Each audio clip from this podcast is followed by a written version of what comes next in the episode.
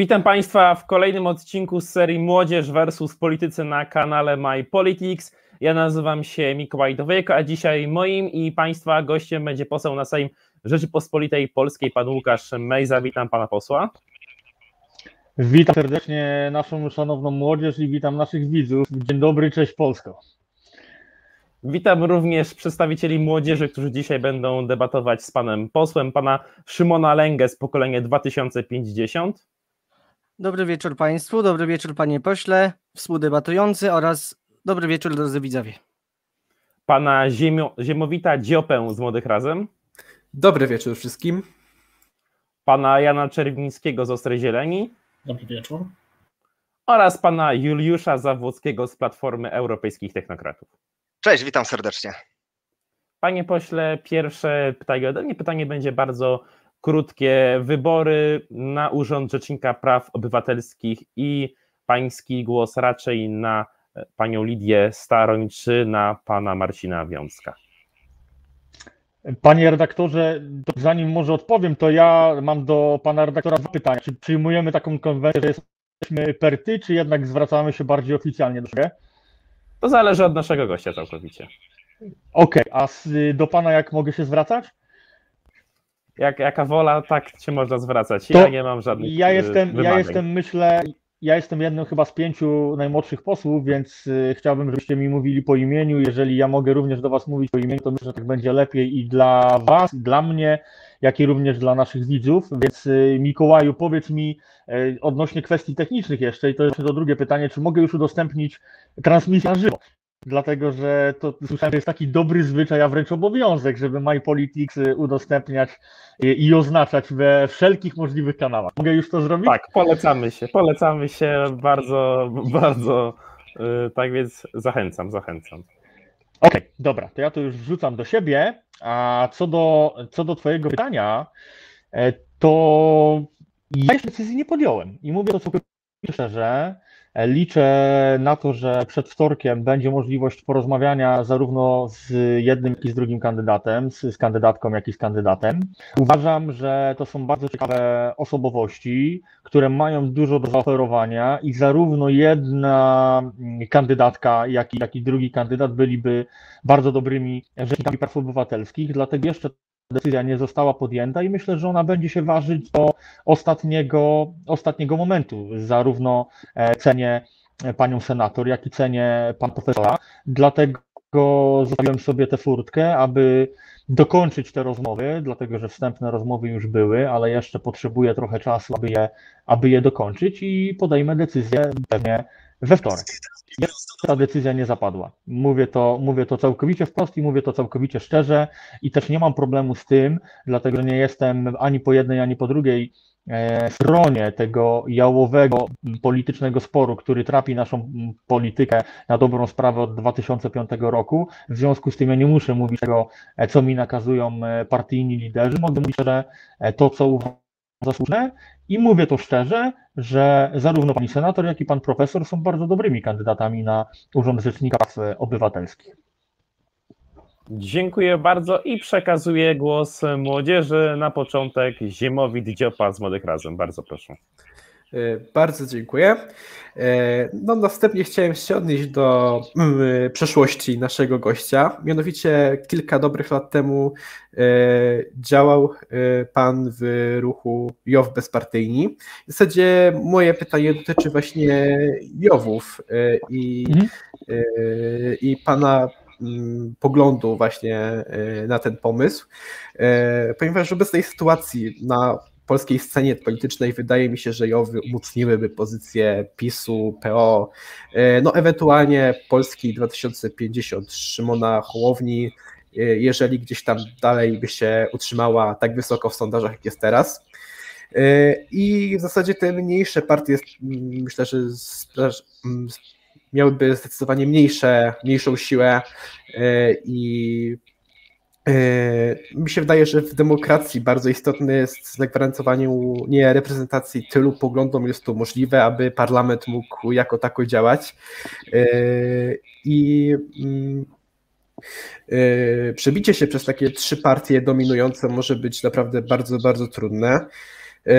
Wielu zwolenników prowadzenia Jowów chce je wprowadzać na wzór brytyjski, który nie do końca także może się podobać. Na przykład w 2001 roku w wyborach Partia Pracy zdobyła 41%, w parlamencie zajęła 63%, 3%, mogąc samodzielnie wprowadzić rządy i w takiej sytuacji nie można mówić, że, e, że partia, mm, że e, ludzie mają swój, swój rząd, że społeczeństwo ma swój rząd. E, dlatego pytanie, czy dalej pan popiera Jowy? Dziękuję. Ziomowit, y, przede wszystkim bardzo dziękuję za to pytanie. Przepraszam, że tak spoglądam też w stronę ale e, wrzucam, wrzucam tę transmisję, tak jak obiecałem e, naszemu organizatorowi. To jest bardzo mądre pytanie, pytanie dotyczące ustroju, czyli jednej z tych spraw, e, której ja chciałbym się poświęcić w parlamencie, no bo jest to, myślę, że mną wszyscy zgodzicie, niezależnie od tego, jakie reprezentujecie poglądy, jakie reprezentujecie młodzieżówki, czyli z jakimi partiami sympatyzujecie to jednak te sprawy ustrojowe są dla wszystkich absolutnie kluczowe i one absolutnie wszystkich e, dotyczą. Dlatego właśnie są tak ważne. Co do Jowów, oczywiście ja współtworzyłem, mogę powiedzieć, byłem jednym z twórców e, tego ruchu. E, współpracowaliśmy również, jeżeli chodzi o, kwestie jednomandatowych okręgów wyborczych z Pawłem Kukizem. Właściwie to Paweł Kukiz wyrósł ze środowiska bezpartyjnych, którego ja byłem jednym z liderów i to ogólnopolskich, jak i również w samorządzie województwa lubuskiego. A co Jowów, e, to nie do końca zgadzam się z tym, co powiedziałeś, bo owszem, Jowy mogłyby umocnić emblematy partyjne, natomiast to by były zupełnie inne partie. Dlatego, że w jednomandatowych okręgach wyborczych wygrywa po prostu ten, kto jest najlepszy dla mieszkańców. Wygrywa ten, kto będzie skutecznie zabiegał o interesy e, danej społeczności, danego terenu. I teraz, jeżeli on się nie sprawdzi, to po prostu jest wypad z polityki. To go w tej polityce nie ma. Dlatego, że mieszkańcy, zobacz teraz, ja na przykład pochodzę z województwa lubuskiego, mamy tutaj 12 mandatów. I jak zapytam się mieszkańca, który poseł jest twój, konkretnie, no ma 12 i tak wie, że pewnie ten z jedynki dostanie z PiSu, z Platformy, może od Szymona Hołowni teraz, z Lewicy, z PSL-u, więc na dobrą sprawę reprezentują mnie wszyscy. Ta odpowiedzialność jest mocno rozproszona. I teraz, jeżeli chodzi o jednomandatowe okręgi wyborcze, to nie byłoby rozproszenia odpowiedzialności. Jeden konkretny człowiek by cię reprezentował. On by czuł tę presję na sobie. I teraz dana partia, chcąc wygrać wybory, wie, że nie może tam wstawić kumpla prezesa. Sorry za to określenie, ale sami przecież nie jesteście naiwni, więc wiecie, jak to się odbywa. Nie są na jedynkach najlepsi kandydaci, tylko są ci, którzy po prostu będą wierni a to bardzo rzadko idzie w parze z tym, że po prostu są najlepsi. Bo te silne jednostki no, jednak często mogą mieć z tym problem i chcą kreować swoją politykę. Dlatego są niewygodni dla prezesa jednej czy drugiej partii. Więc jeżeli postawilibyśmy na Jowy, to nawet jeżeli mielibyśmy do czynienia z tymi partiami, to byłyby to zupełnie inne partie. E, oczywiście, że nie możemy bezpośrednio czerpać z tego, co się dzieje w tej kulturze anglosaskiej, bo wzrastaliśmy w zupełnie innej i, i byłaby to, byłby to dla nas przewrót kopernikański, więc ja też nie jestem za, żeby kopiować rozwiązania jeden do jednego e, z innych systemów politycznych. Natomiast generalnie jestem zwolennikiem jednomandatowych okręgów wyborczych nadal nadal stoję po tej samej stronie, po stronie obywatelskości, e, stoję po stronie realizacji konkretnych interesów i oczywiście nie jestem naiwny i też wiem, że to nie jest system idealny. Ale jak to mawiał Winston Churchill, najlepszy, jaki do tej pory wymyślono. Jeżeli chodzi, jeżeli chodzi o mnie, to ja taki pogląd reprezentuję. Natomiast y, też muszę, musimy sobie powiedzieć wprost, szanowni koledzy, no bo dzisiaj debatujemy w takim e, męskim gronie, jak to już stwierdziliśmy na, na OFIE.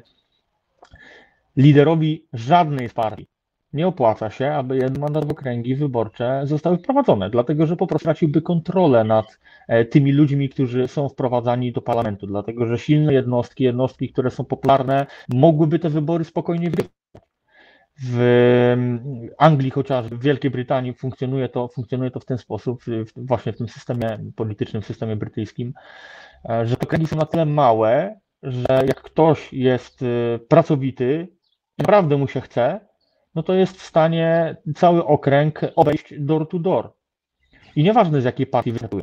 Oczywiście ten system brytyjski również nam pokazuje, że mamy dwie dominujące siły polityczne, Natomiast y, no, my w Polsce, zobaczcie, że i tak właściwie prowadziliśmy taki quasi system dwupartyjny, e, który, czyli mamy te, jak to, jak to ty określiłeś, opieram się, opieram się tylko na tym, co ty powiedziałeś, mamy e, te negatywne strony, według ciebie oczywiście, podkreślam, w Polsce, za to nie mamy tych pozytywnych.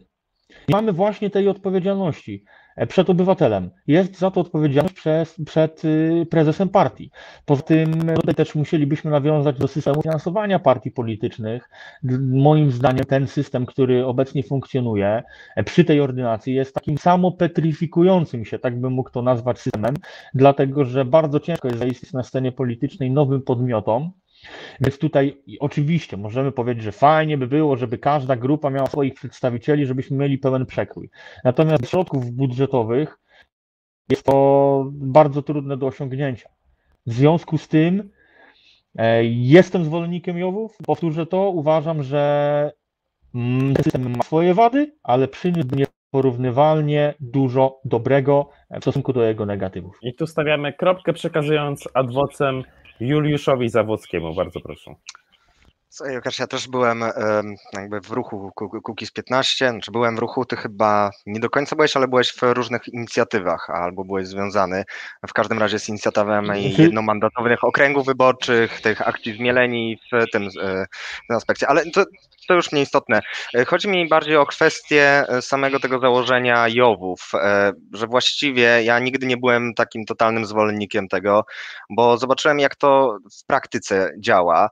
To rzeczywiście działa w momencie, kiedy te okręgi wyborcze są bardzo małe, mają mniej niż 20 tysięcy mieszkańców i tak mamy w przypadku wyborów samorządowych mm, na mhm. poziomie gmin, które nie przekraczają tej liczby. I to spoko działa, tam rzeczywiście widać, że to są w większości lokalni ludzie nie, nie związani z żadną partią i jakoś bardziej bardziej dbają te interesy. Tylko problem jest taki, że jeżeli przekłada się to na całe państwo, to warto najpierw sobie zadać mhm. E, dwa pytania. Po pierwsze, czy chcemy mieć dwie izby, i Senat, e, i Sejm, a po drugie, w jaki sposób chcemy, żeby one realizowały jakby ten głos wyborców. To znaczy, ja widzę, że dobrym rozwiązaniem jest rzeczywiście zrobienie z jednej izby, taką izbę stricte samorządową, wybieraną w małych tych okręgach wyborczych jowowskich i byłoby ich dużo, byłoby pewnie powyżej tysiąca, żeby spełnić ten wymóg, e, by były mniej niż 20 tysięcy mieszkańców. Musiała być procedura odwoławcza takiego posła w trakcie trwania kadencji oraz oczywiście kwestia dotycząca zamieszkania, tak jak w wyborach samorządowych też nie do końca można kandydować, jeżeli się jest spadochroniarzem, trzeba sobie tam meldunek załatwić i parę innych rzeczy, ale mimo wszystko powinna być także izba druga, e, czy to nazwana Senatem, czy jakby Izbą Ogólnopolską, ale w każdym razie, gdzie e, byłoby w 100% proporcjonalne. To znaczy, dzisiaj jak mamy ten system proporcjonalny Donta, to tutaj młody z młody razem e, powiedział, że przy 40% można mieć 60% miejsc w, e, w parlamencie, no, jeżeli by były jowy. No obecnie mamy ordynację Donta, gdzie PiS ma 30% e, w wyborach, a potem uzyskuje ponad 50% w Sejmie, a nawet mógłby uzyskać samodzielnie konstytucyjną, więc uważam, że to nie jest tak powiedzenie, że czy jowy, czy druga ordynacja może zmienić, ale okej, okay, chciałem tylko zauważyć. 3,5 w ostatnim Przepraszam, tak, tutaj chciałem tylko zauważyć, że warto lepiej zauważyć na początku, jaka jest potrzeba e, ludzi, żeby byli reprezentowane wszystkie poglądy, a jednocześnie była e, lokalna społeczność także reprezentowana i może od tego warto zacząć, a nie myśleć czyjowy takie, czy brytyjskie, czy węgierskie, czy inne. Mhm. Mm, słusznie, zgadzam się z tym. Ja sobie zapisałem, bo to takie rozbudowane, rozbudowane wątki ze swojej strony, więc e, chcę się odnieść do nich wszystkich. Po pierwsze, jeżeli chodzi o ruch e, Pawła Kukica, to tak jak powiedziałem, Paweł w ogóle wziął swój początek w polityce właśnie ruchów bezpartyjnych. E, to my staliśmy za tym pomysłem, kandydował w wyborach prezydenckich, to było te słynne 21%, e, to my zbieraliśmy środki, to my zbieraliśmy, e, zbieraliśmy podpisy, żeby ten start z tych przyczyn formalnych również mógł zaistnieć, mógł w ogóle wstąpić. No i to my, można powiedzieć, byliśmy autorami tego sukcesu. Oczywiście wielka praca Pawła, wspaniały sukces, który no potem moim zdaniem nie został, nie został wykorzystany. Także ja naprawdę mogę o tym książkę napisać, ale jestem zbyt młody, a, taka, a wydanie takiej książki myślę, że przyjaciół w polityce by niestety nie, nie, nie przyprawiło. W związku z tym jeszcze chwilę się wstrzymam. czytaniem książki, ale na pewno kiedyś e, chętnie o tym opowiem, jak wyglądają kulisy robienia tak wielkich projektów, bo to jak 21% w wyborach prezydenckich e, z budżetem 25 razy mniejszym e, aniżeli kandydaci, którzy zajęli pierwsze i drugie miejsce. Wtedy co najmniej 25 razy mniejszym, to by trzeba było oczywiście dokładnie, dokładnie liczyć. To tyle, jeżeli chodzi o, o ten ruch. Wspomniałeś też o dwuizbowości, o tym, czy my dalej w kontekście wprowadzania jowów powinniśmy być systemem bikameralnym, czy jednak przejść na unikameralizm. Ja również zgadzam się z tym, co powiedziałeś, że e, tutaj potrzebujemy pewnych zmian. I Senat y, mógłby być taką izbą samorządową, dlatego że obecnie Senat y, nie spełnia kompletnie zadań, do których został powołany. I to nie jest kwestia tylko i wyłącznie tej kadencji, ale również i, i kadencji poprzednich.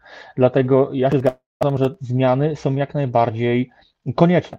Ja sam jestem samorządowcem, bo, bo mimo tego, że przestałem formalnie pełnić funkcję e, radnego sejmiku województwa, to jednak samorząd, e, jak to mówię dość pompatycznie, ma się w sercu i samorządowcem jest całe życie, bo to jest pewien sposób działania i pewien sposób patrzenia na politykę. Zupełnie inny niż ten w Warszawie. Lepszy niż ten parlamentarny. Mogę to powiedzieć po tych kilku miesiącach, kiedy jestem posłem.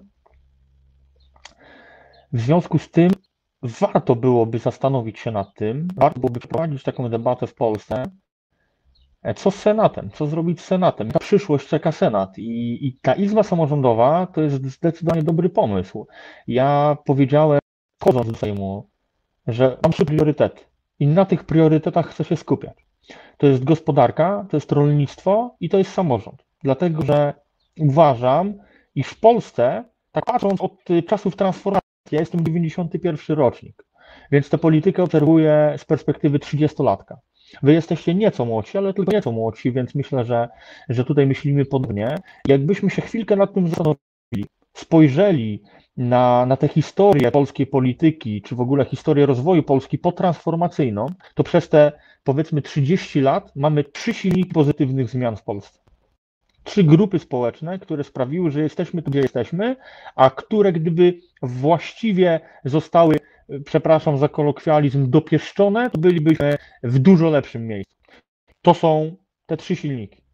To są przedsiębiorcy, to są rolnicy i to są właśnie samorządowcy.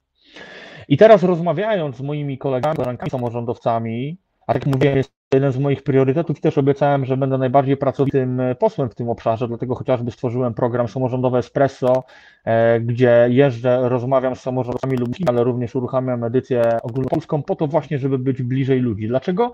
Bo samorządowcy są najbliżej ludzi, bo to tam rozwiązuje się najważniejsze dla ludzi problemy. To oni te problemy znają, więc jeżeli chce się być skutecznym parlamentarzystą, jeżeli chce skutecznie rozwiązywać problemy, które są dla naszych mieszkańców najważniejsze, to trzeba pracować z samorządem. A dlaczego espresso? No dlatego, że to są mocne, konkretne i, i szybkie spotkania, bo w samorządzie nie ma czasu na zbyt długie debatowanie, nie ma czasu na nawijanie makaronu na uszy, na nadmierną dyplomację. Jest czas na podwijanie rękawów i po prostu robienie konkretnej roboty dla mieszkańców. Dlatego espresso. I rozmawiając z samorządowcami, większość z nich niestety narzeka na to, iż nie ma przełożenia na to, co się dzieje w Warszawie. Dlatego taki senat samorządowy uważam, że jest bardzo dobrym pomysłem, żeby ci najlepsi samorządowcy, czyli ci sprawni menadżerowie, ci, którzy każdego dnia rozwiązują e, problemy mieszkańców, te najważniejsze problemy, jak dziura w drodze, jak e, tematy związane z oświatą, jak tematy związane z lokalnymi podatkami, to jest to, co mieszkańców najbardziej dotyka, to jest to, co mieszkańców najbardziej boli. I oni się z tym stykają na co dzień. W związku z tym mają bezcenne, zupełnie unikalne doświadczenie, które powinniśmy wykorzystać w Warszawie. Ja naprawdę krytycznie patrzę na to, co się dzieje w parlamencie. W samorządzie pracuje się non-stop. Non-stop.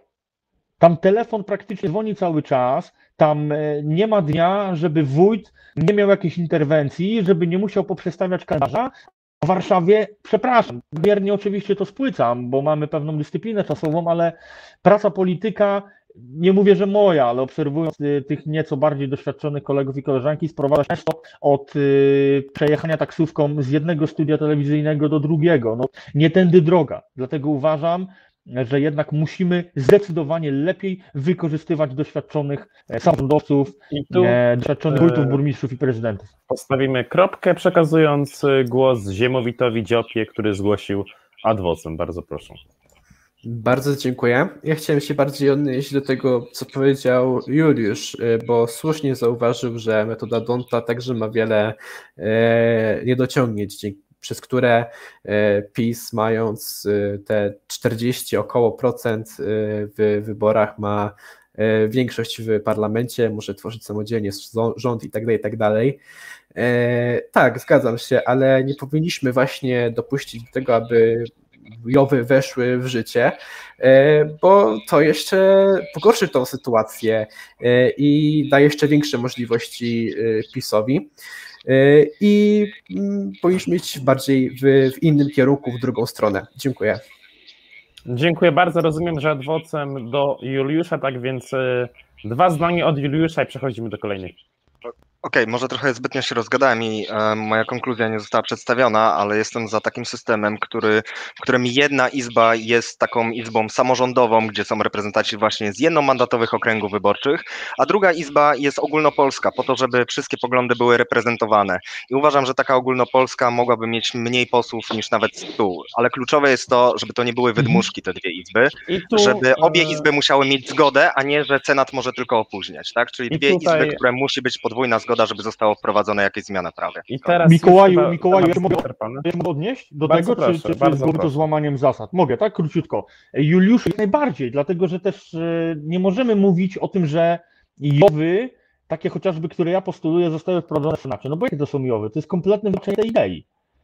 Te okręgi są na tyle duże, że bez kasy partyjnej, bez wsparcia konkretnego ugrupowania, wiodącego ugrupowania, czyli w tym przypadku e, to jest PiS czy Platona, nie ma szansy wyborów na dobrą sprawę wygrać. Zobaczcie, że senatorowie niezależni na dobrą sprawę dostali się i to w, ilości e, trzech, tak? E, tylko tam, gdzie albo uzyskali jakieś konkretne wsparcie ze strony jednej z wiodących partii, albo dostali ciche wsparcie, bo partia po prostu nie wystawiała kandydata i wspierała, nie wystawiała swojego kandydata partyjnego i wspierała właśnie tego niezależnego. Ponadto te okręgi muszą być na tyle małe w przypadku jednomandatowych okręgów wyborczych, że to nie środki finansowe będą decydowały o tym, czy ktoś wygrywa, czy nie wygrywa. Dlatego warto, aby te okręgi były na tyle małe, że możecie sobie własnym sumptem wydrukować ulotki, jak chcecie wystartować, zarejestrować komitet. Nie, uważam też, że nie powinno być cenzusu zebrania podpisów, gdzie bardzo często tylko i wyłącznie struktury partyjne mogą zrobić. Jeżeli już, no to bardzo mały. Także po prostu chcesz, Juliusz, wstajesz, startujesz i masz szansę wygrać.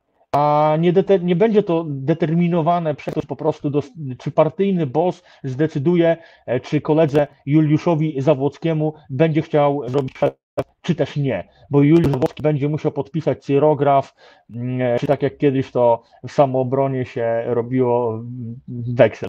Nie na tym polega polityka, nie na tym polega przede wszystkim realizacja tych postulatów obywatelskich i o tym musimy pamiętać. Dlatego jeżeli mamy wprowadzić JOWy, to muszą być to naprawdę małe okręgi. I tu na razie kończymy ten wątek, przekazując głos człowiekowi, który naprawdę musiał się naczekać na swoje pytanie. Szymonowi Lędze z pokolenia, bardzo proszę. Mm, Łukaszu, y, poprzez lockdown wywołany pandemią koronawirusa dużo branży ucierpiało wskutek y, w kwestii finansowej oraz w wielu innych kwestiach, mm, a w szczególności kultura. mm, Przez co niektórzy artyści musieli się nawet przebranżawiać i iść sprzedawać y, do supermarketów, ponieważ y, koncerty i inne wydarzenia zostały całkowicie odwołane. E, Czy Twoim zdaniem artyści powinni dostać większe dofinansowanie z tarczy antykryzysowej? Czy zgodzisz się z e, tezą, że kultura powinna być finansowana z, e, z samorządów, ale samorządy powinny dostawać pieniądze na ten cel z mm, budżetu, z budżetów państwowych?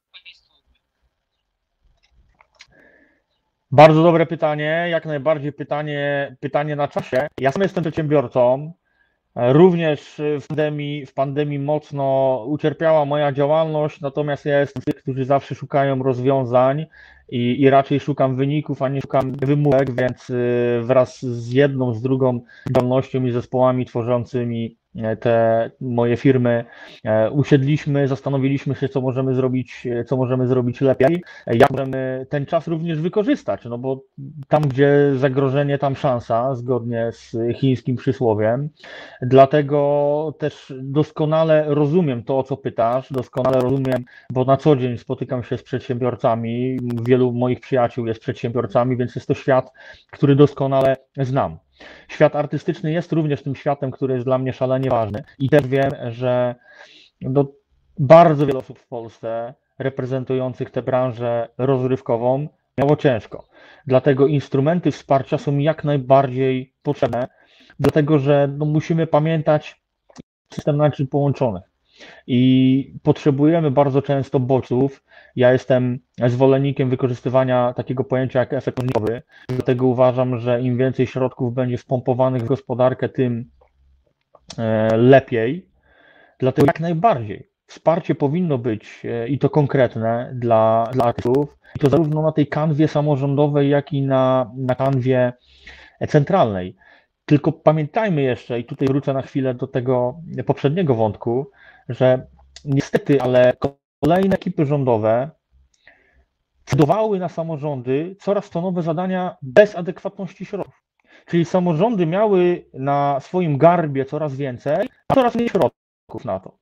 I teraz oczywiście, że pomoc samorządowa jest potrzebna. Ja sam byłem chociażby inicjatorem takiego programu w województwie lubuskim. Niestety nie trafiłem tutaj na, na płatny grunt. Programu, który miał wspierać przedsiębiorców. Tylko bardzo często jest tak, i to samo możemy oczywiście odnieść do artystów, no bo ty głównie w swoim, w swoim e, pytaniu skupiłeś się na artystach. Bardzo często jest tak, że i nad tym ubolewam. I to jest kolejny, uważam, bardzo ważny wątek dla nas młodych, no bo to jednak na nas ciąży ta odpowiedzialność za kraj, to na nas y, ciąży ten horyzont, a nie na tych politykach, którzy są już w tej polityce od 30 lat.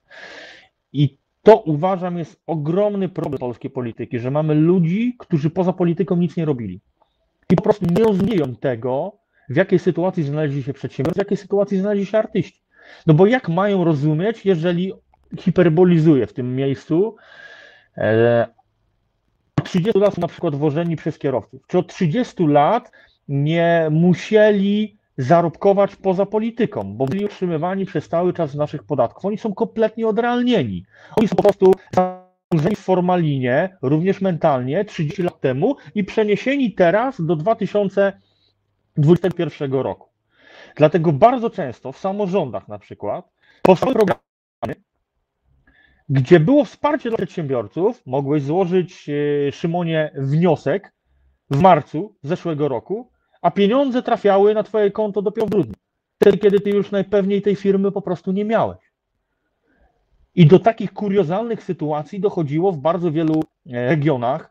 Ja również e, wysoce krytycznie odnosiłem się do tego w województwie lubuskim, ale niestety, sorry za określenie, panowie, bo może to zbyt ostro, tak to jest, jeżeli niestety rządzą nami urzędnicy. Mamy za mało przedsiębiorców, za mało menadżerów, za mało ludzi, którzy osiągnęli sukces w jakiejkolwiek innej dziedzinie życia poza polityką, po prostu się na czymś znają i mogą wtedy zarządzać. Bo na dobrą sprawę, ja oczywiście wiem, że moja wypowiedź może być e, pokrojona, wycięta e, i, i, i potem ktoś będzie miał do mnie pretensje, odnosząc się do moich słów zupełnie wyrwanych z kontekstu, ale zarządzanie krajem, jakąkolwiek jednostką samorządu terytorialnego nie różni się specjalnie od zarządzania firmą. Oczywiście są kwestie społeczne, są wszystkie kwestie, e, które nie są związane ze sferą finansów, które również trzeba dbać, sfery, które nie przynoszą dochodu, jak najbardziej, ja to doskonale rozumiem, ale jednak i biznes i politykę łączy to, że trzeba być sprawnym menadżerem. Inaczej są porozkładane akcenty, trzeba być sprawnym menadżerem. A teraz, jeżeli ktoś od tego roku 91 jest urzędnikiem, piął się po szczeblach partyjnych, dzięki czemu e, zdobywał coraz to nowe funkcje również w administracji samorządowej, a potem w administracji państwowej, no to jakie ma pojęcie o tym, co boli przedsiębiorców? Ma tyle, ile usłyszy. Ale jednak wolałbym, żeby o prawie gospodarczym, które jest absolutnie kluczowe dla rozwoju naszego kraju, dla rozwoju zresztą każdej jednostki, no bo przecież 70 ponad procent PKB generuje sektor przedsiębiorstw. I teraz w ogóle w tym kraju gospodarczym nie decydowali ludzie, którzy w życiu nie wystawili żadnej faktury. I to jest problem polskiej polityki, bardzo duży problem. Dlatego bardzo często rządzący po prostu nie rozumieją przedsiębiorców, nie rozumieją tego, że my mówimy o pierwszej, o drugiej fali COVID-u, o trzeciej, a dla przedsiębiorców, dla artystów, o których ty wspomniałeś, Szymonie, nie przyszła fala koronawirusowa. Przyszło prawdziwe tsunami, które niektórych po prostu totalnie zmiotło z planszy. I teraz, jeżeli my nie będziemy w stanie zareagować od razu, no to tak jakbyśmy nie zareagowali w ogóle. Tylko powtarzam, mamy za mało ludzi, którzy rozumieją w polityce, którzy rozumieją rzeczywistość, rozumieją to, co się dzieje na świecie, rozumieją to, że naprawdę świat jest tak dynamiczny, że jeżeli na chwilę przymkniemy oczy, no to zaraz stracimy kompletnie możliwość dostosowania się do tego, co się dzieje. A z takich, którzy zamknęli oczy w 91 i w 2021 jeszcze ich nie otworzyli. I to jest problem. I to jest problem. Dlatego I... potrzebujemy, tak jak powiedziałem, więcej ludzi z biznesu, więcej sprawnych menedżerów w polityce i wtedy nie byłoby takich problemów właśnie z programami tym... wsparcia dla artystów, czy z programami wsparcia dla przedsiębiorców. Skończyłem. I tym podsumowaniem tego wątku na razie kończymy, przekazując głos Janowi Czerwinickiemu. Bardzo proszę. Jakie działania masz zamiar podjąć w swojej działalności poselskiej, które zmierzają do polepszenia działalności psychiatrii dziecięcej? Cześć Janku, e, bardzo dziękuję za to pytanie, bo to pytanie e, pozwoli mi również skupić się na tym, zapoznać Was z tym, co jest dla mnie najważniejsze i na tych tematach się skupić. Ja uważam, że to Powiem w ten sposób. Uważam, że to nasze pokolenie, praktycznie jesteśmy, jesteśmy z jednego pokolenia, to jest pokolenie, które powinno wnieść nową jakość do polityki. A ta nowa jakość również polega na tym, że powinniśmy się specjalizować w określonych obszarach. I ja nie mam zamiaru być jednym z tych polityków, którzy będą udawać, że znają się na wszystkim. I na pewno tematy służby zdrowia nie są mi najbliższe. Dlatego otaczam się specjalistami z każdej dziedziny, do których zawsze mogę zwrócić się po pomoc, do których, e, których zawsze mogę poprosić o to, żeby napisać konkretny projekt ustawy i podjąć konkretne działania. I to jest bardzo ważne. Właśnie w kontekście tego managementu, o którym mówiłem przy poprzedniej wypowiedzi, my potrzebujemy sprawnych menadżerów. A sprawny menadżer musi znać się na wszystkim, żeby skutecznie rozwiązywać określone problemy. I dlatego mówię, że moimi konikami są gospodarka, samorząd i rolnictwo. I tutaj jestem w stanie rozmawiać na temat każdego z wątków. Służba zdrowia jest tematem, w którym każda z kolejnych ekip, można powiedzieć, w Polsce nie odrabiała leki. Natomiast psychiatra dziecięca, o której, o której wspomniałeś, jest teraz, szczególnie w dobie postpandemicznej, szalenie ważna. I tutaj mamy również bardzo, bardzo wiele lekcji do odrobienia. Natomiast ja nie jestem specjalistą, specjalistą z zakresu służby zdrowia, a tym bardziej nie jestem specjalistą z zakresu psychiatrii dziecięcej. Rozmawiałem z bardzo wieloma rodzicami, dlatego że pochodzę z rodziny nauczycielskiej. Moi rodzice moi rodzice też mi bardzo dużo podpowiedzieli, e, jeżeli co się dzieje teraz z dziećmi poprzez e, tę naukę daną, jak wygląda powrót do szkół, e, to odmrażanie szkolnictwa i tak dalej, i tak dalej. No i tutaj widzę, że mamy naprawdę potężne wyzwanie przed sobą, dlatego myślę, że mogę zdradzić to na antenie. Dążę do tego, żeby powołać koło w polskim parlamencie i myślę, że to nastąpi lada dzień. I to koło na pewno będzie chciało się skupić również na kwestii pomocy uczniom, pomocy dzieciom, które mają bardzo duże problemy i bardzo duże wyzwania przed sobą, jeżeli chodzi o ten e, powrót do szkół, jeżeli chodzi o to, co się działo e, właśnie z tymi tematami e, związanymi ze szkolnictwem, z tymi tematami związanymi z tym, jak znoszą to co się dzieje, a dla młodych ludzi no, było bardzo trudny okres. Nie tylko mówiliśmy o przedsiębiorcach, mówiliśmy o artystach, mówiliśmy, e, mówiliśmy na dobrą sprawę o każdej grupie społecznej, bo koronawirus dotknął wszystkich nas. Po prostu. Porówno.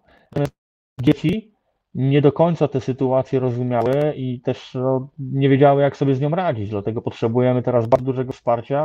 Ja podkreślam, ja nie jestem gościem, który będzie udawał, że na wszystkim da. Dlatego jestem otoczony specjalistami i na pewno, jeżeli chodzi o psychiatrę, psychiatrię, przepraszam, dziecięcą, będziemy podejmować, będziemy podejmować inicjatywy w najbliższym czasie.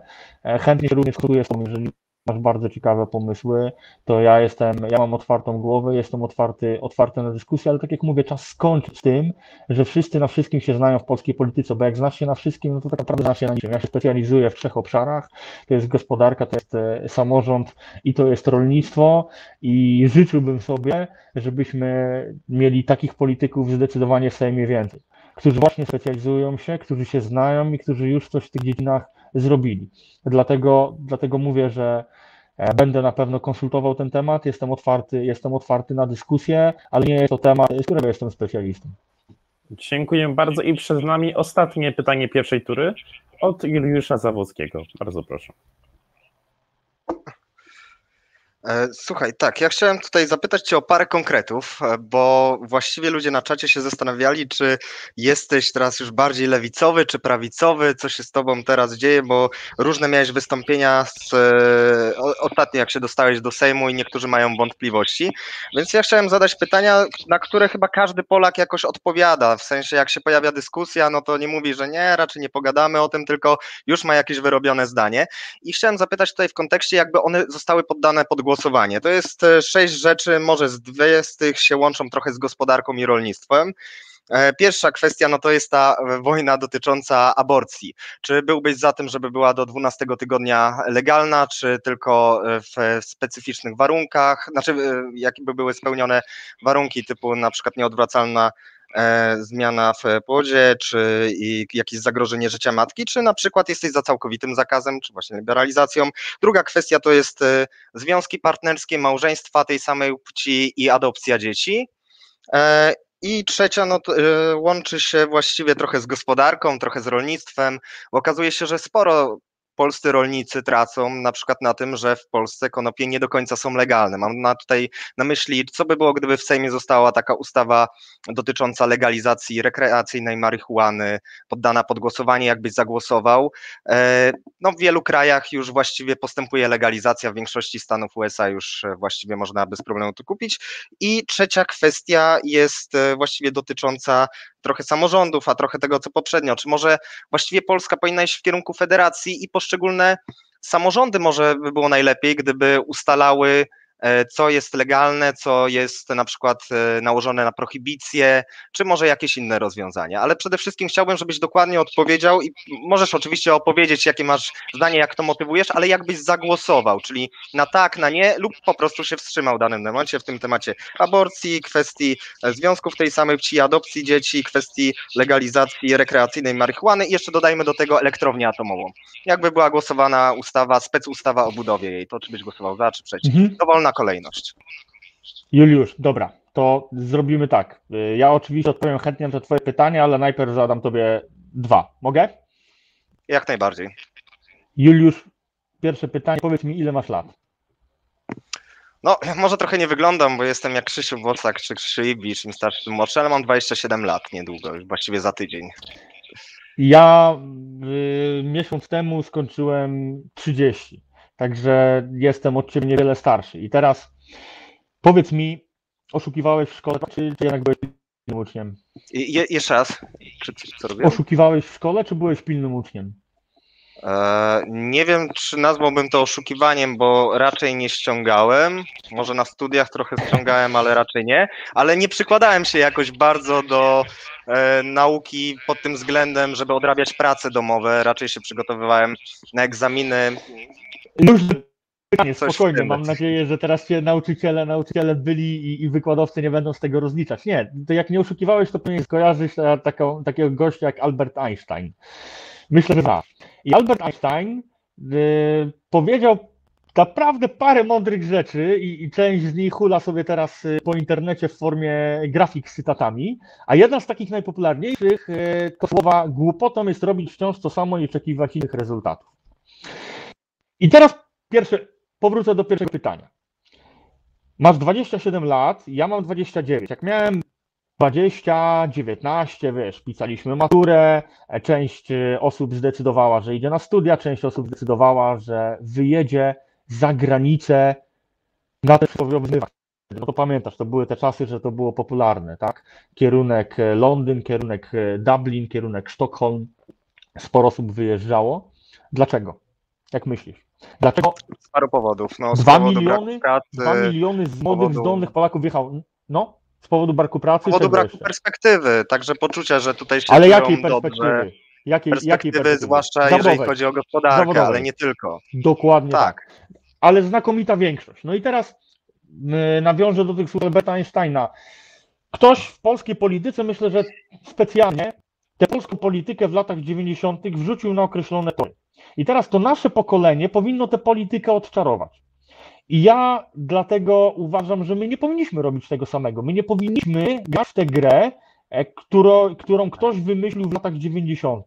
Zauważ, Juliuszu, że bardzo łatwo jest generować emocje właśnie poprzez te dwa pierwsze tematy, e, o których zahaczyłem. Łukasz, ale poczekaj, poczekaj, bo ty mnie to- zbywasz teraz, a to mi się nie podoba, jak ktoś Nie, mnie w taki ale poczekaj, zbywa. ale daj mi powiedzieć, I- Juliusz, nie, absolutnie. Na całym świecie absolutnie. robi się referenda, często się robi referenda na kwestie właśnie światopoglądowe. Ja uważam, że to jest pewna jedyna droga, ale dzisiaj mamy także tylko i Ale to wyłącznie właśnie system to chciałem powiedzieć. To chciałem powiedzieć, że ja jestem za tym, żeby oddać głos w sprawach światopoglądowych Polakom. A ja w parlamencie chcę się skupiać na trzech tematach: rolnictwie, samorządzie i gospodarce. Dlatego jestem zwolennikiem, żeby te pierwsze dwa tematy, e, o które zapytałeś, rozstrzygnąć w referendum. Po prostu. Czyli Mamy aborcja za i mało referendum w Polsce. i tak dalej, tak? Dokładnie tak. Dokładnie Okej. tak. A poza Okej, tym czyli się uważam, i naprawdę, sorry, będzie. jak będzie, zobaczymy jaki będzie projekt ustawy. Okej. Zobaczymy jaki będzie projekt ustawy. Generalnie tak. Generalnie tak i uważam. I sorry, może to jest panowie naprawdę mało popularne, ale do jasnej cholery mam za dużo światopoglądu w polskiej polityce, a za mało konkretnych działań. Konkretnych rozwiązań gospodarczych, konkretnych rozwiązań związanych z samorządem, konkretnych rozwiązań związanych z rolnictwem, czyli tego, co tak naprawdę sprawia, że nasz kraj się rozwija. I ja wiem, że sprawy światopoglądowe generują takie emocje, że na dobrą sprawę można stworzyć formację w oparciu tylko i wyłącznie o sprawy światopoglądowe.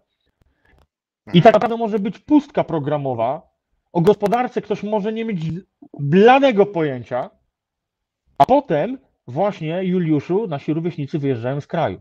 Dobrze podałeś, wyjeżdżają właśnie dlatego, że nie mieliśmy kwestii uregulowanych czego? Aborcji, czy wyjechali w ramach protestu, bo nie mieliśmy e, odpowiednio według nich oczywiście uregulowanych kwestii małżeństw? Nie, wyjechali w poszukiwaniu perspektyw zawodowych i Tak. my jako rządzący powinniśmy na tym się skupić, a sprawy światopoglądowe zostawić Nie, poczekaj, Polakom czekaj, ale to była emigracja referendum. dawna.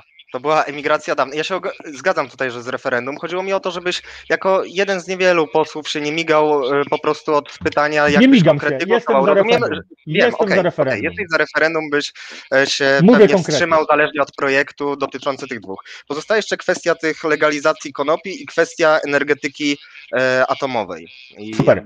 Bardzo lubię, bardzo proszę. lubię konkrety, bardzo lubię konkrety, więc więc Juliuszu, e, świetne pytania i odpowiadam konkretnie. Pytałeś, czy jakby została e, zgłoszona taka ustawa, tak? Dotycząca spec ustawa o budowie kojarzę? elektrowni atomowej, że już jest, e, byłaby budowana. Ja nie wiem, to wcześniej był, temat, wcześniej był temat konopi. E, tak, Wcześniej czy temat- legalizacja konopi, legalizacja konopi Mhm. tak, żeby można było w Polsce produkować, żeby rolnicy także korzystali, tak jak robią to w 23 stanach USA, znaczy 22 właściwie, bo tam jest kwestia legalizacji i depenalizacji, zależnie od tego, czy to jest rekreacyjna, czy medyczna. U nas na przykład jest legalna medyczna marihuana, ale ona jest Mhm. sprowadzana z Niemiec i właściwie rolnicy polscy są dyskryminowani przez to. A ja Znam, znam ten już- temat doskonale. i tak pójść krok dalej, Ty że pytasz- legalizację rekreacyjnej także. I także, Ty żeby można zapytałeś- było hodowlę. Ty zapytałeś, e, ty zapytałeś, e, jak ja bym zagłosował, gdyby taka ustawa się pojawiła, tak? Tak, A ja tak. ci nie odpowiem na to pytanie, no za to powiem ci, że ja taką ustawę zgłoszę. No i to myślę, że logiczne będzie, jak zgłosuję. Okej, dzięki. Dlatego, że no właśnie widzisz, i to też, to też jest kwestia do odczarowania. Bo zobacz, jak reaguje to starsze pokolenie na to. No dla nas to jest temat oczywisty, tak? Natomiast starsze pokolenie no zostało, zostało gdzieś tam, e, myślę, w debacie publicznej nieco zmanipulowane, jeżeli chodzi o kwestię konopi, a to jest również olbrzymi zastrzyk dla polskiej gospodarki. To jest olbrzymi zastrzyk dla polskiego rolnictwa. W związku z tym nawet tylko i wyłącznie z tego powodu warto to zrobić, także jak najbardziej. A poza tym jeszcze tak e, mogę, mogę powiedzieć, że moim serdecznym kolegą jest Piotrek Leroy Marzec, którego pozdrawiamy gorąco e, w tym miejscu. E, z Piotrkiem konsultujemy już szczególne, szczegółowe przepraszam, rozwiązania. W związku z tym myślę, że w bliższej przyszłości taki projekt się pojawi. Będzie to projekt mojego autorstwa. Jeżeli chciałbyś się włączyć w tę pracę, serdecznie zapraszam. No, Dziękuję bardzo. Aha, i mieliśmy Atom, i mieliśmy Atom jeszcze, tak? I mieliśmy Atom. Tak, tak. Generalnie jak najbardziej podobają mi się chociażby e, rozwiązania, które stosuje polski, polski biznes w tym względzie, ale oczywiście wiem, że są e, do wdrożenia konieczne rozwiązania z zakresu, e, z zakresu atomu na poziomie państwowym, więc ja jestem zwolennikiem. Energetyka jest mi szczególnie bliska z racji tego, czym zajmuję zawodowo, dlatego że jestem przedsiębiorcą, który funkcjonuje w branży odnawialnych źródeł energii. E, dlatego jestem za tym, żeby namalować zielone oblicze Polski, ale uwaga, namalować je w bardzo mądry sposób, tym pędzlem nie można machać na oślep, e, czytaj, zamykać teraz wszystkiego, wszystkiego, co się da, także jak najbardziej Atom, e, jak najbardziej również będą to rozwiązania, które na pewno będę wspierał. I tu możemy postawić kropkę w tej naprawdę żywiołowej dyskusji, przechodząc do drugiej tury szybkich pytań, którą zacznie Jan Czerwiński z Ostrej Zieleni. Bardzo proszę. Ja jestem ciekawy, e, jak, ma, jak chcesz e, rozpowszechnić żywność ekologiczną, która jednak e, nie, jak, jak chcesz rozpowszechnić? Janku, jeszcze raz, ro, rozpowszechnić żywność ekologiczną? Tak, mm. dobrze usłyszałem? Tak, dokładnie.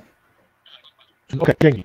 Janku, wiesz co, przede wszystkim no mamy również wiele lekcji do odrobienia w rolnictwie w rolnictwie, gdzie moglibyśmy być y, potęgą w Unii Europejskiej, jesteśmy na całkiem satysfakcjonującej pozycji, no ale ja charakteryzuję się tym, że zawsze dążę jednak do tego, żeby śrubować te wyniki i żeby być coraz lepszym w co robi. W związku z tym nie satysfakcjonuje chociażby to, że mieliśmy w 2019 34, 34 miliardy euro e, eksportu z sektora rolno E, spożywczego. Uważam, że ten wynik mógł być większy, gdybyśmy właśnie jako kraj odrobili parę lekcji. E, między innymi, i to jest jeden z moich priorytetów, e, jeśli chodzi o rolnictwo, i zmiana ustawy o gospodarowaniu nieruchomościami rolnymi Skarbu Państwa. Uważam, że te wielkie gospodarstwa, wielkie gospodarstwa towarowe, które są koniem pociągowym e, tego sektora rolno-spożywczego, które e, tak naprawdę generują rozwój, są nieco tłamszone przez te przepisy, które jeszcze w 2011 roku się pojawiły, to absolutnie trzeba zmienić. Natomiast drugim takim priorytetem jest e, jednak to, żeby, żeby uwolnić sprzedaż produktów rolniczych produktów rolnych. To jest y, bardzo ważne ze względu na to, że to jest żywność, która jest ekologiczna, żywność, która jest y, korzystna dla konsumentów i korzystna też z perspektywy upraw dla, dla środowisk rolniczych. W związku z tym tu są same plusy. I, I tutaj uważam, że przede wszystkim trzeba by było uwzględnić kwestie, kwestie podatkowe, czyli, czyli kwestie ulg, no i przede wszystkim deregulacja. No, za, za, dużo, za dużo przepisów. Ja jestem w stałym kontakcie z rolnikami, ze związkami rolniczymi, z organizacjami rolniczymi, przyjaźnię się nawet z, z prezesem Polskiego Towarzystwa Rolniczego, więc bardzo często przy tych rolniczych specjalach, jak tak sobie rozmawiamy w nieco luźniejszej atmosferze, siadamy i, i debatujemy nad tym, co by można było zmienić. I na pewno ta żywność, żywność ekologiczna, jej sprzedaż powinna zostać, powinna zostać uwolniona. Powinniśmy zdjąć to jarzmo przepisów, które teraz bardzo mocno ograniczają. Ja w ogóle pod tym względem e, bardzo, bardzo liberalny. I uważam, że jednak w Polsce to otoczenie prawne jest zdecydowanie zbyt rozbudowane, również w tej kwestii, o której, o której ty pytasz. A jednak widzimy, co się dzieje, jaki jest trend światowy. Każdy chce być fit, każdy chce być zdrowy, każdy chce właściwie się odżywiać i bardzo dobrze, bo potem chociażby będą e, potrzebne Pozdrawiamy, bo, bo chyba Janku masz jakiegoś gościa, nie wiem czy, czy zobaczysz z tyłu. Także gorąco, gorąco pozdrawiam. Dzień dobry, dobry wieczór właściwie. A tam ży, Tak, żywiołowa, również- żywiołowa dyskusja. również- żywiołowa, również żywiołowa dyskusja, pozdrawiamy. dyskusja. Tak, tak, ale Janku, to przede wszystkim są te kwestie, wiesz? Czyli, czyli kwestie, kwestie podatkowe no i, kwestie, i kwestie konkretnych przepisów, e, tak żeby można było zdecydowanie, zdecydowanie łatwiej i korzystniej e, sprzedawać.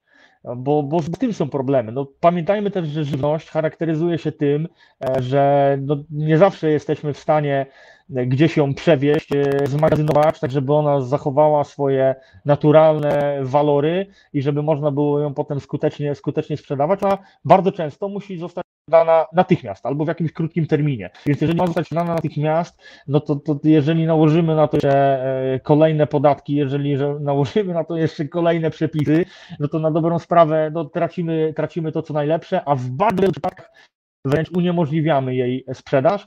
I to właśnie te kwestie, na których chciałbym się skupić. E, Bardzo, bardzo dobre pytanie i to jest ta kwestia, która jest jednym z moich e, priorytetów, jeżeli chodzi o temat rolniczy. Czyli tak jak powiedziałem, rolnictwie bardzo. Tak, Okej, to dam okej, do, no znaczy, to ostatnie Mikołaj, zdanie Mikołaj nie da, nie da dokończyć. No dobra, dobra, dobra, niech będzie, niech będzie. Spokojnie, spokojnie. Powtórzę tylko dwie kwestie, e, czyli ta zmiana ustawy o gospodarowaniu nieruchomościami rolnymi Skarbu Państwa, chociażby po to, żebyśmy nie musieli importować mleka e, z Niemiec, czyli to, co powiedział e, Juliusz kontekście konopi, no bezsensowne rozwiązania, zamiast wspierać naszych rodzimych producentów, to, to, to na dobrą sprawę wspieramy, wspieramy w ten sposób zupełnie niemiecki przemysł. Czyli to jest pierwsza kwestia w rolnictwie priorytetowa, a druga no to uwolnienie, e, uwolnienie e, sprzedaży tych e, artykułów, które są w stanie dostarczać nam nasi wspaniali polscy rolnicy, czyli ta sprzedaż bezpośrednia. I teraz definitywnie na razie kończymy tą wypowiedź, przechodząc do pytania Ziemowita Dziopy z Młodych Razem. Bardzo proszę. Bardzo dziękuję. Yy, Teraz może pozwolę sobie yy, przejść do takiego, do innego tematu, zupełnie innego, yy, do tego, czym żyliśmy ostatnim, przez ostatni rok, czyli do, do pandemii koronawirusa. No i tego, co się działo w trakcie, czyli lockdownu, bo zauważyłem, że wiele mm, środowisk uważających się za liberalne, czy za konserwatywno-liberalne, było mm, bardzo różnie nastawionych do, do pandemii, do lockdownu. E, Niektórzy uważali, że, że należy odmrozić gospodarkę, niektórzy w ogóle negowali istnienie całego wirusa, e, niektórzy myśleli nie wiadomo jakie teorie spiskowe, E, a jestem ciekaw e, właśnie Twojej opinii, Łukaszu, na, na ten temat, bo, bo słyszałem już ich mnóstwo ze strony liberalnych polityków. Jestem po prostu ciekaw. Dziękuję.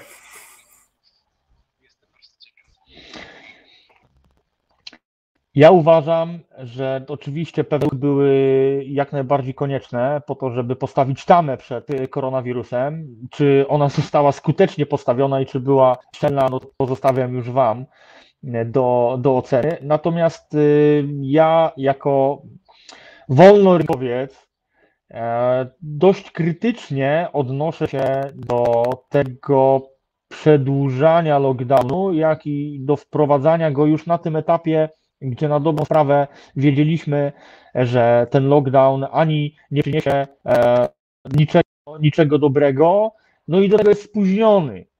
Więc uważam, że jak najbardziej sprawna, szybka reakcja jest konkretna, jest, jest, przepraszam, jest potrzebna, taka naprawdę konkretna reakcja. Aczkolwiek e, rządzący no, niespecjalnie pokazali w, w pewnych momentach, że rozumieją właśnie, rozumieją gospodarkę. Ja mówię, mówię to jako przedsiębiorca, tak, e, że no jednak nasz kraj i zresztą na dobrą sprawę każdy kraj opiera się na sektorze przedsiębiorstw.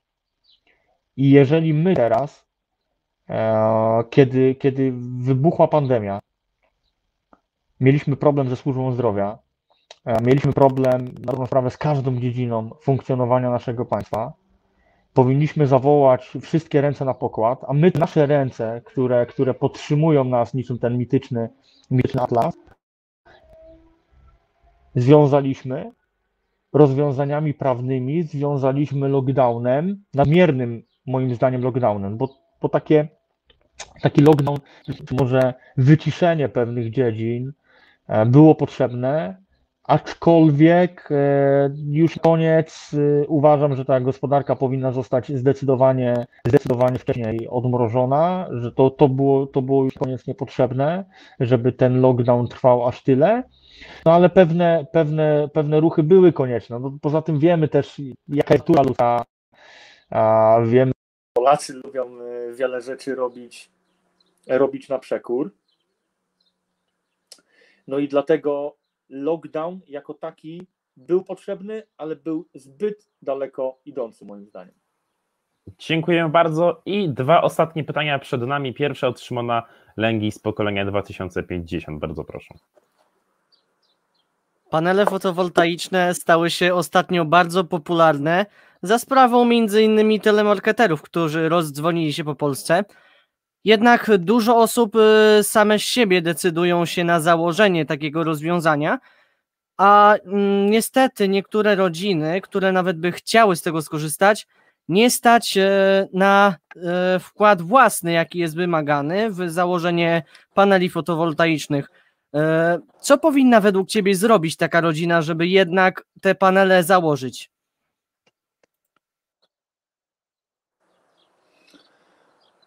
Szymon, oczywiście, że jest boom teraz na, na fotowoltaikę, widzę to chociażby po sobie. My co prawda nie skupiamy się na tych instalacjach domowych czy na małych farmach, tylko raczej budujemy te, te farmy na, na dużo większych areałach. W związku z tym no, branża jest mi, jest mi niezwykle bliska, ale tu mówię w troszkę innym, w troszkę innym wymiarze. Natomiast jestem oczywiście za tym, żeby jak najwięcej energii pochodziło z odnawialnych źródeł, ale żeby to wszystko robić z głową. To, to zielone oblicze Polski musi być namalowane, no ale tak jak mówiłem wcześniej, e, trzeba to robić e, z głową, dlatego że nie jesteśmy w stanie z dnia na dzień przestawić się tylko i wyłącznie na odnawialne źródła energii, więc trzeba to robić mądrze, racjonalnie i stopniowo. Dlatego instalacje przydomowe są uważam bardzo dobrym rozwiązaniem. I oczywiście my musimy coraz więcej energii jako kraj produkować z odnawialnych źródeł energii. Jest to związane z przepisami, które narzuca chociażby na nas Unia Europejska które wynikają z członkostwa Polski w Unii Europejskiej.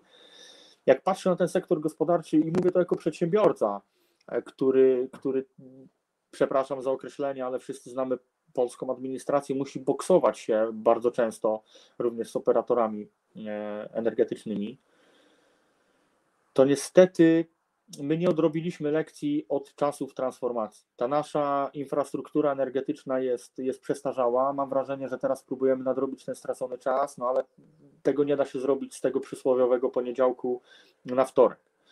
I bardzo podobają mi się działania niektórych samorządów, które do instalacji fotowoltaicznych e, dopłacają.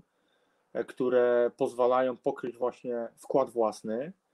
I tutaj pytasz mnie z perspektywy rodziny. Natomiast ja mogę odpowiedzieć Ci z perspektywy polityka, z perspektywy, z perspektywy samorządowca. Uważam, że jak najwięcej i samorządy, e, i, i, i, i nasz kraj, nasze państwo powinno uruchamiać programów, e, które będą w stanie ten wkład własny pokryć, dlatego że w dłuższej perspektywie to się opłaci każdemu, zarówno obywatelom, i mówię to, to oczywiście e, z przyczyn ekonomicznych, ale również i samorządom, jak i naszemu państwu. Bo po pierwsze to spełnimy, będziemy mieli szansę w ogóle spełnić te normy, które narzuca na nas Unia Europejska, no, a po drugie to się będzie bilansowało energetycznie. Dlatego jestem za tym, żeby uruchamiać jak najwięcej, jak najwięcej programów dopłat do instalacji fotowoltaicznych. Dziękuję bardzo. I przed nami ostatnie pytanie od Juliusza Zawockiego. Bardzo proszę. Tutaj zastanawiam się, czy właściwym będzie zadanie pytanie dotyczące naszej polityki zagranicznej, no by się to łączyło troszeczkę w kontekście gospodarczym, no bo... Śmiało, e, śmiało, obecnie... zasadne jest każde pytanie. Okay. Słuchaj, no mamy dość nieciekawą sytuację, mianowicie no Biden jedzie i generalnie ma gdzieś e, spotkanie z naszym prezydentem, a jest przedstawicielem, czy się lubi prezydenta, czy się nie lubi aktualnego to jest druga sprawa, bo po pierwsze nas reprezentuje wszystkich i w momencie, kiedy inne mocarstwo nie chce, nasz sojusznik właściwie nie chce z, z, naszym reprezentantem rozmawiać, no to znaczy, że coś jest nie tak w tych relacjach, zwłaszcza, że sprawa dotyczy Nord Streamu, na który pojawia się mm, taka odpowiedź Bidena, że jednak nie tak ostro, nie z tymi sankcjami. Mieliśmy mieć Baltic Pipe i mamy mieć Baltic Pipe, który ma e, właściwie chyba przejąć całe zapotrzebowanie na gaz, jaki mamy, jaki obecnie musimy ściągać z Rosji, to żebyśmy ściągali z Norwegii i byłoby to dla nas dużo bezpieczniejsze, że Rosja by nie mogła nas szantażować. No ale nagle się okazuje, że ta budowa zostaje przerwana ze względów e, jakichś kwestii ekologicznych, ochrony środowiska, co pewnie zostanie no, rozstrzygnięte w ciągu paru tygodni, może miesięcy i zostanie zbudowane, no, ale na pewno coś nie jest dobrego w polskiej dyplomacji, skoro do takich e, różnych kwestii, różnych zatargów, opóźnień dochodzi i łączy się to bardzo z energetyką. I tak samo teraz ostatni ban naturów e, na elektrownię i na wydobycie węgla, więc co, co byś tutaj, jak na to patrzysz na poseł, jaki mógłbyś mieć wpływ na, czy w ogóle jest sens tutaj teraz o tym rozmawiać? Zdecydowanie jest sens, dlatego że bezpieczeństwo energetyczne jest bardzo ważnym aspektem funkcjonowania każdego, każdego państwa. My trochę o tym e, zapomnieliśmy, czyli po prostu jak było dobrze, to nic z tym nie robiliśmy, problemy się zaczęły pojawiać. I to, i to takim preludium. Mm, ale mamy problem źle. Przepraszam bardzo, tylko strasznie przerywa teraz, strasznie sobie słychać to, co mówisz.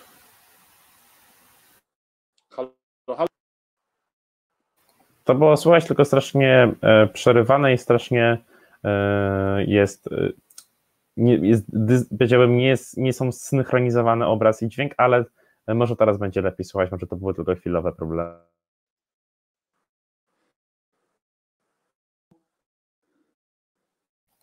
Nic ja nie, nie słyszę tutaj teraz. Nic nie słychać. Oj, to nie wszystko działa. Słychać za jakiś czas. Mi się wydaje, że to może być problem y, z połączeniem bardziej, ale, ale nie wiem. Może albo ze słuchawkami. Nie mam pojęcia niestety. Aczkolwiek poczekamy chwilę. No zazwyczaj takie problemy mijają prędzej czy później.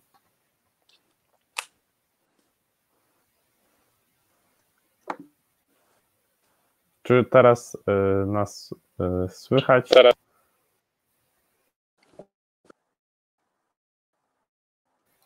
Nic nie słyszeliśmy znowu.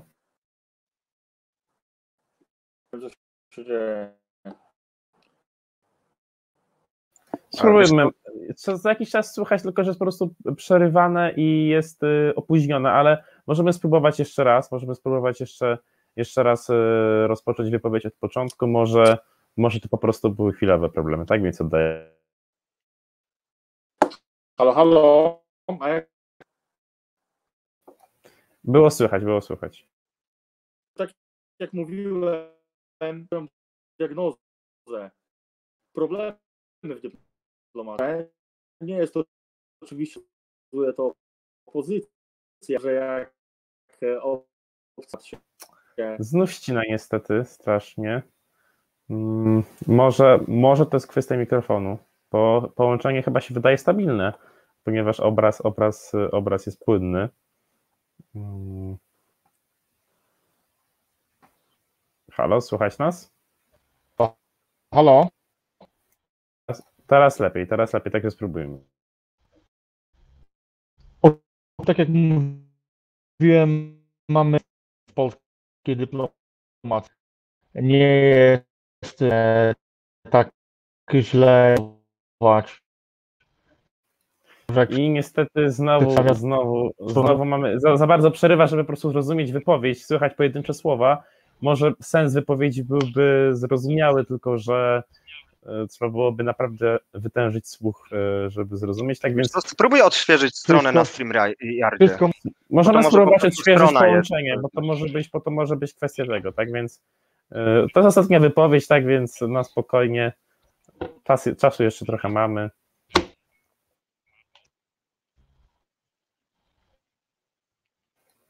Tak, za sekundkę powinien e, wrócić e, Łukasz. I będziemy rozmawiać o dyplomacji. Będziemy rozmawiać o dyplomacji, o polskiej racji, o polskiej racji stanu będziemy rozmawiać. Tak, bardzo istotna. Bardzo To jest w sumie ciekawe, ile może jeden poseł zdziałać jakimiś wpływ. Ja w ogóle teraz nie A pamiętam polską obecnego ministra. Podejrzewam, że niewielką, ale zobaczymy. E, Czy z nas słychać? No ale słyszę, u mnie Przerywa coś. No to po prostu przerywa głos. Nie rozumiem całkowicie tego problemu, ponieważ obraz jest płynny. halo, halo. Obraz jest płynny, tylko że grz- dźwięk Nie. jest opóźniony. Dźwięk jest opóźniony. tak jak było. Może. e, A Wi-Fi czy dane komórkowe? Łączenie jak, jak miałem, Bo jeżeli to jest na przykład z Wi-Fi, to można spróbować z danych komórkowych. To często dane komórkowe Nie, są. nie. Mam dane, mam- bo tu jest ok. Tak więc. Co może jeżeli masz bezprzewodowe słuchawki, to po prostu to połączenie Bluetooth coś leży i i może jakoś inaczej mikrofon spróbować. To zobaczcie.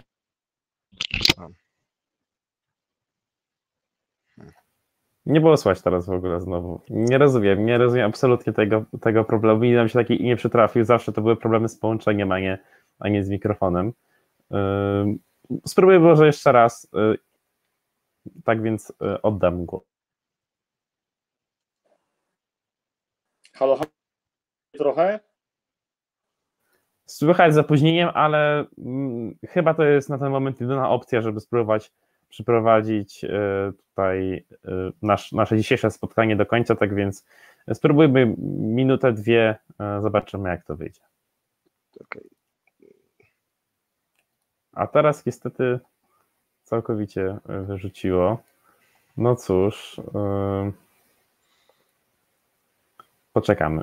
Poczekamy. A wiesz może na jakim kąpie siedzi pan poseł tutaj? Niestety, niestety nie wiem, niestety nie wiem. Tym bardziej, że ja myślę, że się ograniczam do klasycznej techniki informatycznej, czyli resetu. To jest, Ja powiem, wiesz, jakby był w pracy, to bym rozwiązywał takie problemy. to się, to się wiesz, No, to to się sprawdza w moje zdanie. 90, w 90% przypadków. Nie? Nie, mam, nie znam żadnej statystyki, ale u mnie tak to działa.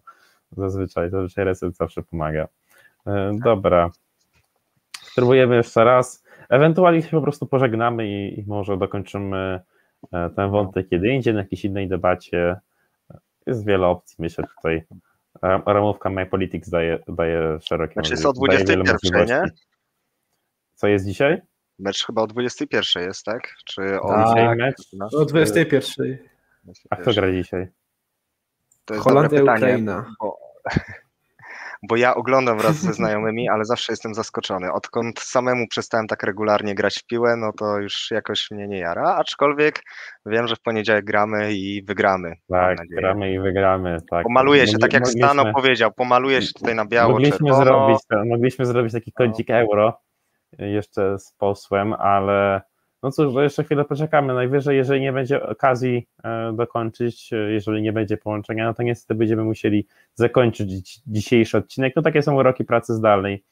Postaramy się, e, żeby ta praca zdalna została ograniczona niedługo na naszym kanale. Poprzez no, Gdzie studio? Powstanie studio Zobaczmy. My Politics.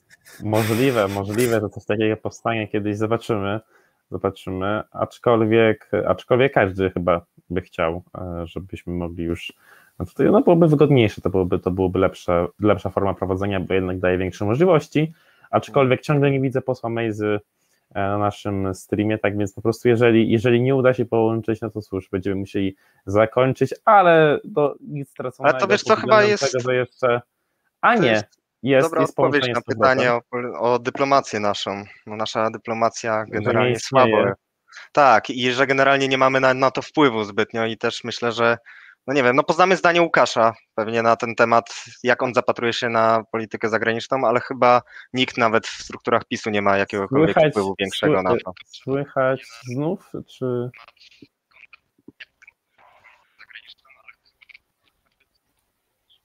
Chyba słychać teraz. Chyba jest opóźnienie, ale nie wiem.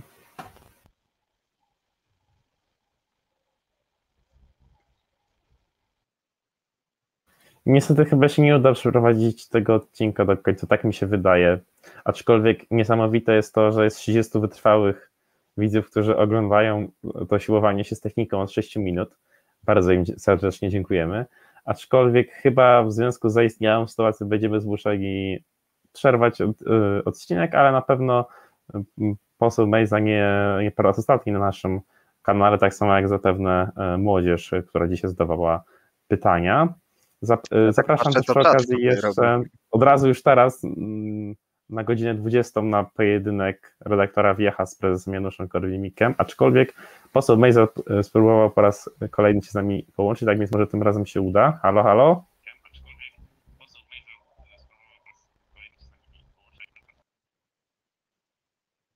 Chyba się nie uda, chyba się nie uda, tak więc niestety musimy wybaczyć e, panu posłowi um, złośliwość rzeczy martwych zdarza się. Tak więc dzisiaj moimi państwa gośćmi byli Szymon Lęga z pokolenia. Dziękuję bardzo za, bardzo za owocną debatę. Ziemowity Dziopa z Młodych Razem. Bardzo dziękuję, miłego wieczoru, miłej nocy. Jan Czerwiński z Ostrej Zieleni. Dziękuję wszystkim oraz Juliusz Zawocki z Platformy Europejskich Technokratów, prawdziwy weteran programu Młodzież versus Politycy. Dzięki wielkie, zwłaszcza tym, którzy dotarli, dotrwali do tego momentu, bo pewnie było ciężko. I poseł Mejza po raz kolejny próbuje się z nami połączyć. Miejmy nadzieję, że może tym razem skutecznie, żeby się chociaż pożegnać z naszymi widzami. E, czy nas słychać?